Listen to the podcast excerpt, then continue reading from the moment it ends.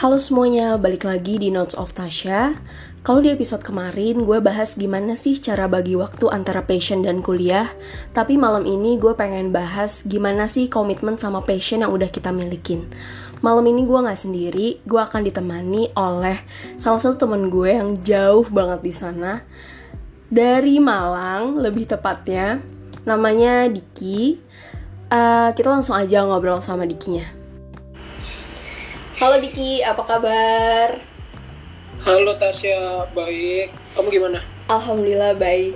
Udah lama banget ya nggak ketemu ya? Uh, orang ketemu baru sekali ya. Lama banget nggak ketemu. Iya sih bener. Pertama kali ketemu bulan September ya, September atau Oktoberan sih kayaknya. Hmm, memang iya. Iya sih kayaknya. Kayaknya Oh. loh ya. Eh, kamu kenapa? Ingatannya kuat. Kamu sama self quarantine ngapain aja? Eh, gara-gara pandemi ini sih di rumah terus karena emang selain kuliah kan aku ada join organisasi Hmm. jadi sibuk organisasi aja sih Oke. Tapi kalau lagi eh, di rumah gini, organisasi tuh masih bisa jalan ya?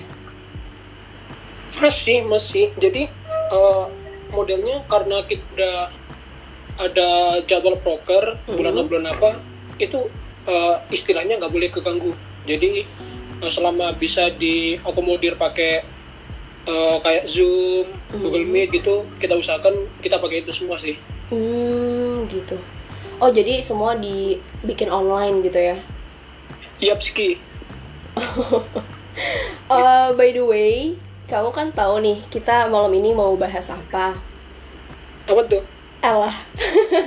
Tadi sih di opening aku udah, dika- udah kasih bocoran kalau kita akan bahas tentang gimana sih caranya komitmen sama passion yang udah kita temuin sejak awal.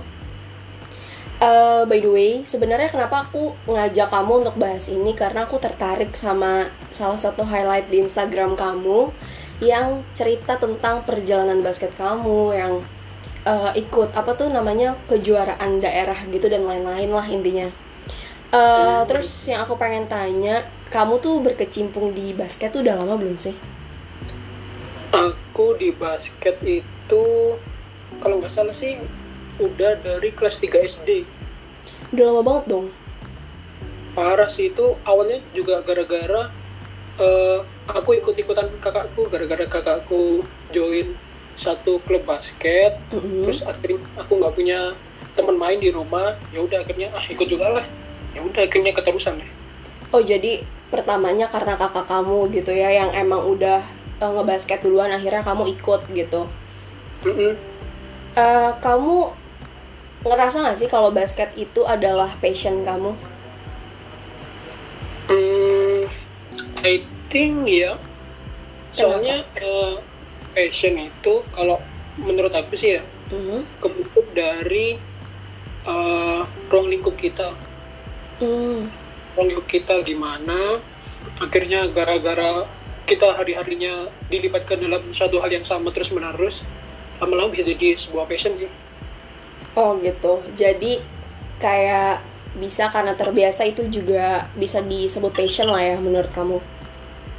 hmm, betul betul betul Eh, tapi prosesnya gimana sampai kamu ngeklaim kalau oh basket ini adalah passion aku loh gitu. Pasti ada dong kayak proses pencarian itu gitu. Sampai kamu akhirnya bisa yang tadi aku bilang bisa ngeklaim kalau oh ya memang basket adalah passion aku gitu.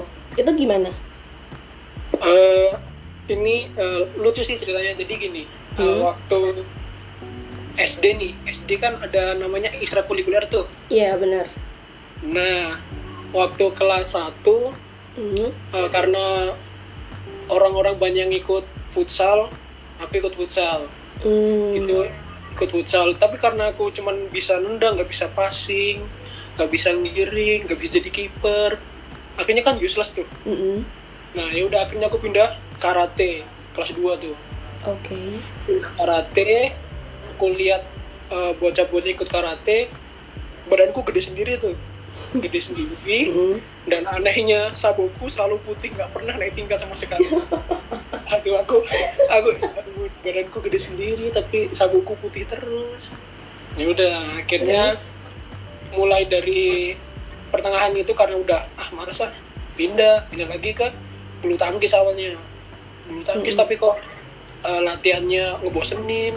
Mana banyak ceweknya kan dulu SD kan ya tau lah belum tahu apa apa Oh, kalau sekarang udah tahu apa-apa berarti. wah jelas jelas jelas kan Oke. Udah setelah akhirnya ikut badminton bosen baru pindah ke basket dan di basket aku nemuin segalanya sih kalau buat aku sendiri Hmm, berarti emang prosesnya cukup panjang juga ya gitu sampai akhirnya bisa ngeklaim oh basket itu adalah passion gitu. Tapi kendalanya apa sih sebenarnya? Nggak mungkin dong langsung kayak di saat kamu ketemu sama basket akhirnya kayak oh ini passion gue gitu kan nggak mungkin. Hmm, eh, kendala awalnya sih itu waktu awal-awal latihan kan namanya juga rookie kan apa namanya bocah yang baru gabung kan nggak mungkin langsung gitu ya langsung diikutin kayak lomba-lomba Mm-mm. Hmm, jadi pertama kali datang yang aku inget itu ya Mm. hari Minggu jam 8 itu mulai latihan. Aku ke sana bawa bola pakai baju basket. Terus cuman 15 menit latihannya. Dan itu pun cuman disuruh jalan di garis lapangan itu. Nggak boleh ngelewatin garis jadi kaki kita lurus ke depan.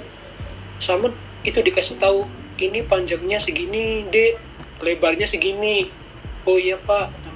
Kalau sudah ya udah suruh pulang.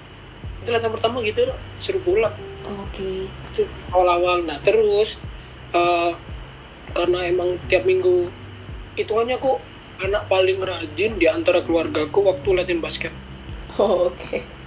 itu Hmm. itu suatu sebuah kebanggaan Mm-mm. sendiri di keluarga Iya. nah akhirnya rajin ikut basket sampai kelas eh, kelas 6 SD itu cuman dapet satu piala tuh itu ya ampun dari berbagai turnamen cuma satu piala itu pun waktu mau ujian nasional SD itu udah dilarang sekolah tapi masih juga karena nggak pernah angkat piala kan pengen Mm-mm. ya udah akhirnya dipaksain alhamdulillah angkat piala tuh walaupun juara tiga tingkat Alhamdulillah. pertama alhamdulillah Mm-mm. nah terus eh, karena emang pelatihku sendiri istilahnya ada channel ke SMP Mm-mm. waktu selesai UN itu aku langsung disuruh latihan ke SMP jadi yang lainnya libur aku latihan tuh. Latihan. Nah alhamdulillahnya lagi nilai UN mencukupi buat aku masuk di salah satu SMP favorit di Malang. Gitu. Nah kemudian Oke. di SMP yang aku masukin ini eh, awal-awal sih berat banget sih parah parah parah emang kalau bisa dilihat nih nggak ada ham di bola basket di SMP ku. Oh iya. So- soalnya pelatih itu main fisik Hmm. apa pun mau ditampar kayak ditendang kayak itu semuanya dilakuin buat ngelatih mental nah hebatnya orang tua orang tua di SMP ku ini mereka biasa aja sama kayak gitu jadi nggak nggak ada yang melatih sama sekali dibiarin dah Iya, jadi Terus- dibolehin lah ya gitu. Hmm. nah dibentuk banget mentalnya Hmm. seminggu empat kali digituin waduh kalau emang dia nggak kuat mental Iya, bisa jadi gila itu bocah benar-benar. Hmm.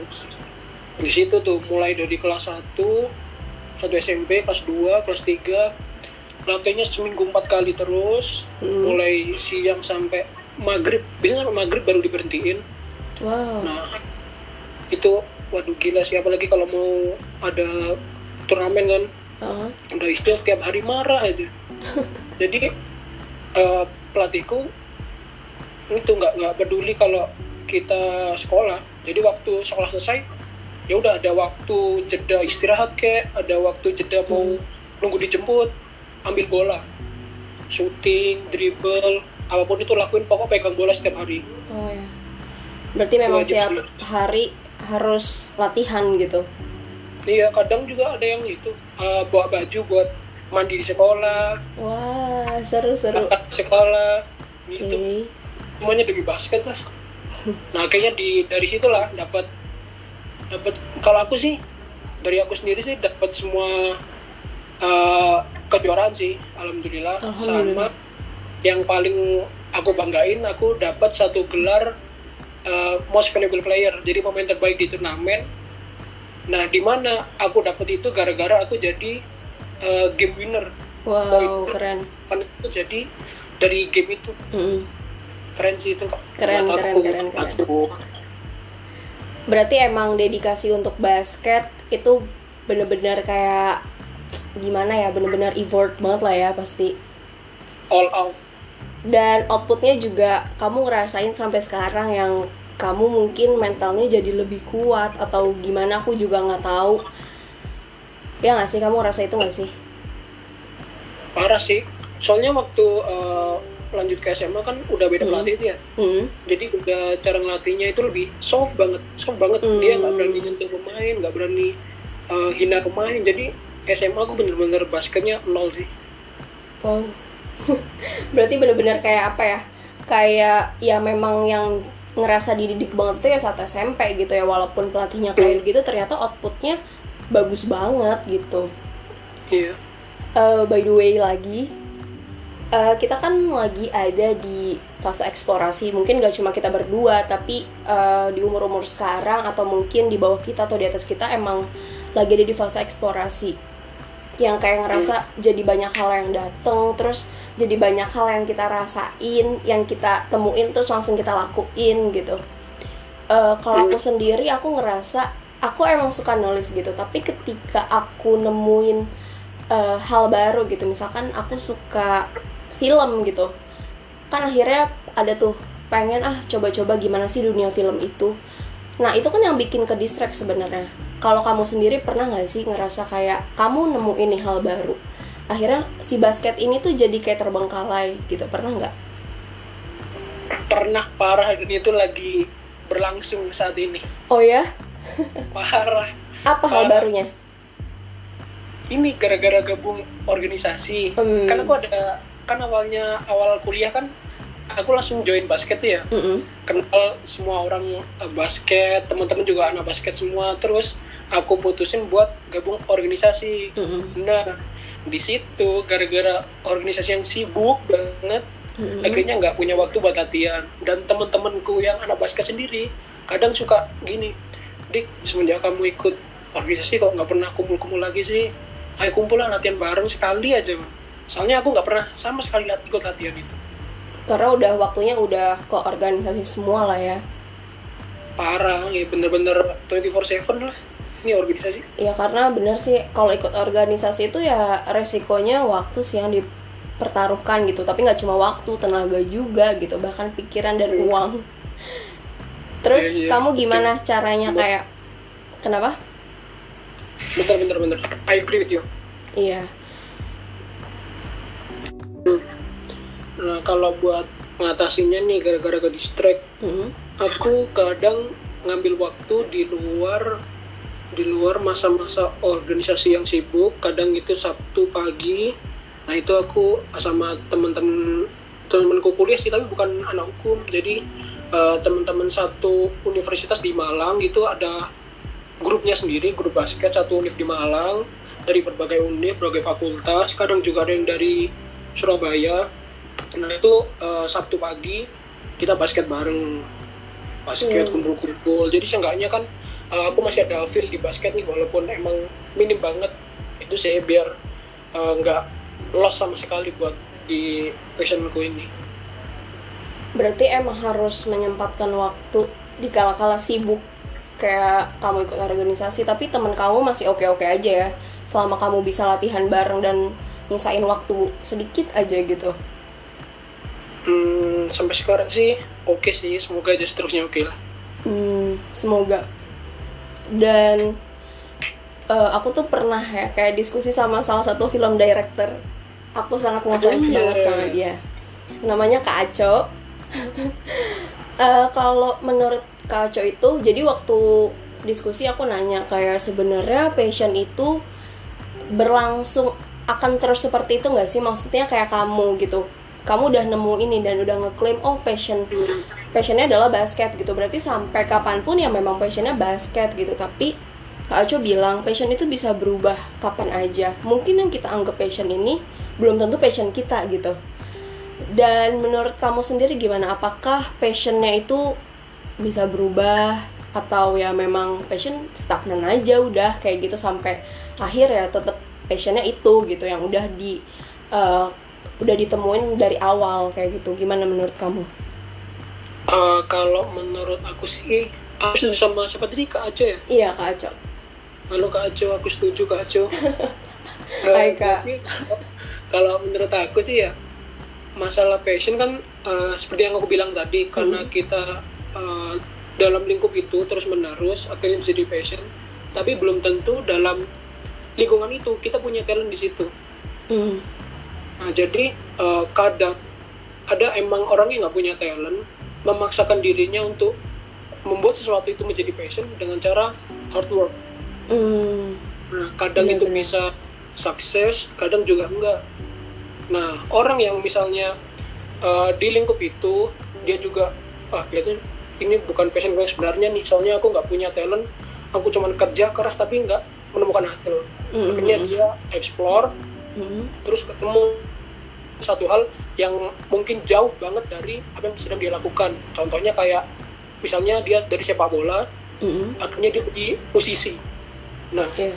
ternyata dia punya talent yang luar biasa di posisi jadi otomatis dalam masa eksplorasi itu passion bisa berubah sih setuju aku sama Kak Aco Hmm, berarti emang ya passion itu ya benar sih bisa berubah-ubah gitu. Kadang aku juga hmm. mikir uh, mungkin aku ngeklaim passion aku adalah nulis gitu, tapi benar gak sih nulis itu adalah passion aku? Kadang aku masih mikir kayak gitu sih. Parameter apa sih yang sebenar-benarnya bisa diklaim sebagai passion gitu? Kadang itu yang masih aku tanda tanyain gitu. Bingung Terus sampai sekarang udah nemu passion baru belum selain nulis? Selain nulis apa ya? Hmm uh, ya kayak gini bikin podcast kayaknya aku nggak tahu sih mungkin ini bukan lebih ke passion kali ya lebih kayak ke hobi apa ya? Selama ini sulap sulap belum sih. Kenapa? Sulap. Sulap. Aku kayaknya harus les dulu deh sama Pak Tarno.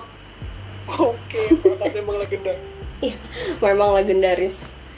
Um, terus gimana sih caranya kamu tetap komitmen sama passion yang kamu klaim dari awal kayak basket gitu? Soalnya uh, dari cerita kamu dari awal kayaknya kamu punya dedikasi yang tinggi gitu buat basket. Maksudnya tetap konsisten tetap komitmen. Sebenarnya hal yang susah ketika ketemu passion adalah gimana cara mempertahankan itu sebagai passion kita gitu.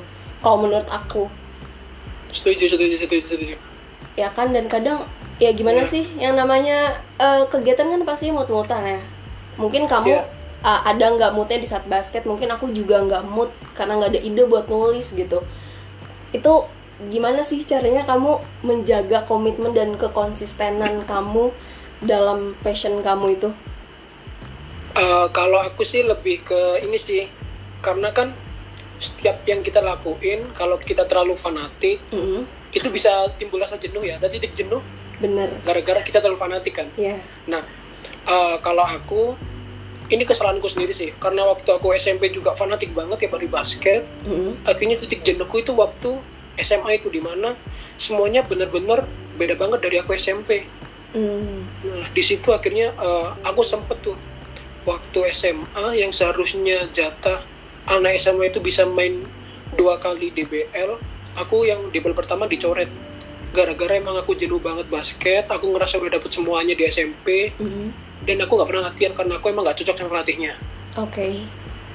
nah kalau uh, dari aku sendiri mending cara menjaga passion agar tidak menemukan titik jenuh uh, kita harus punya distract ke hal yang lain nah mm. di mana hal yang lain itu membuat titik jenuh kita yang bisa di titik 50 mm. itu akan naik lagi nah kalau hmm, misalnya kita udah hmm, jadi kalau misalnya kita udah lama nih lama nggak uh, ke passion kita hmm. gara-gara kita kerja dengan hal lain hmm. kangen kan otomatis benar nah di kangen itu gairah itu bener-bener nanti jadi berapi-api akhirnya. Wah aku harus ke sini lagi nih. Aku udah lama nggak kayak gini gini gini gini. Aku gitu sih. Hmm iya sih setuju. Jadi kita emang harus cari hal yang baru dulu sampai kita juga ketemu di titik jenuh hal yang baru yang sampai akhirnya itu ngebikin kita pengen balik ke kegiatan yang sebelumnya gitu atau ke passion kita. Setuju.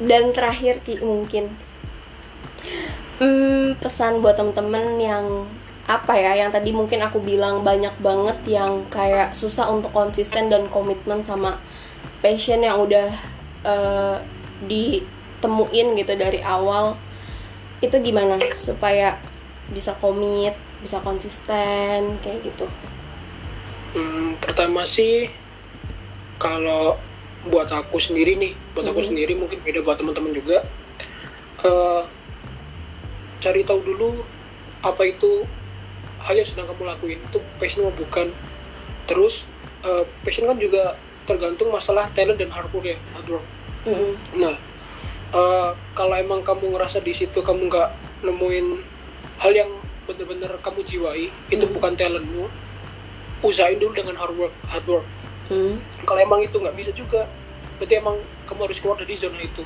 cari okay. zona lain kemudian kalau udah misalnya udah ketemu uh, jangan terlalu fanatik sama satu hal. Kamu harus punya dua hal untuk uh, jadi balance bu passionmu yang emang benar-benar kamu suka ini. Jadi hmm. uh, yang seperti aku bilang tadi kamu tahu standar titik jenuhmu itu di mana.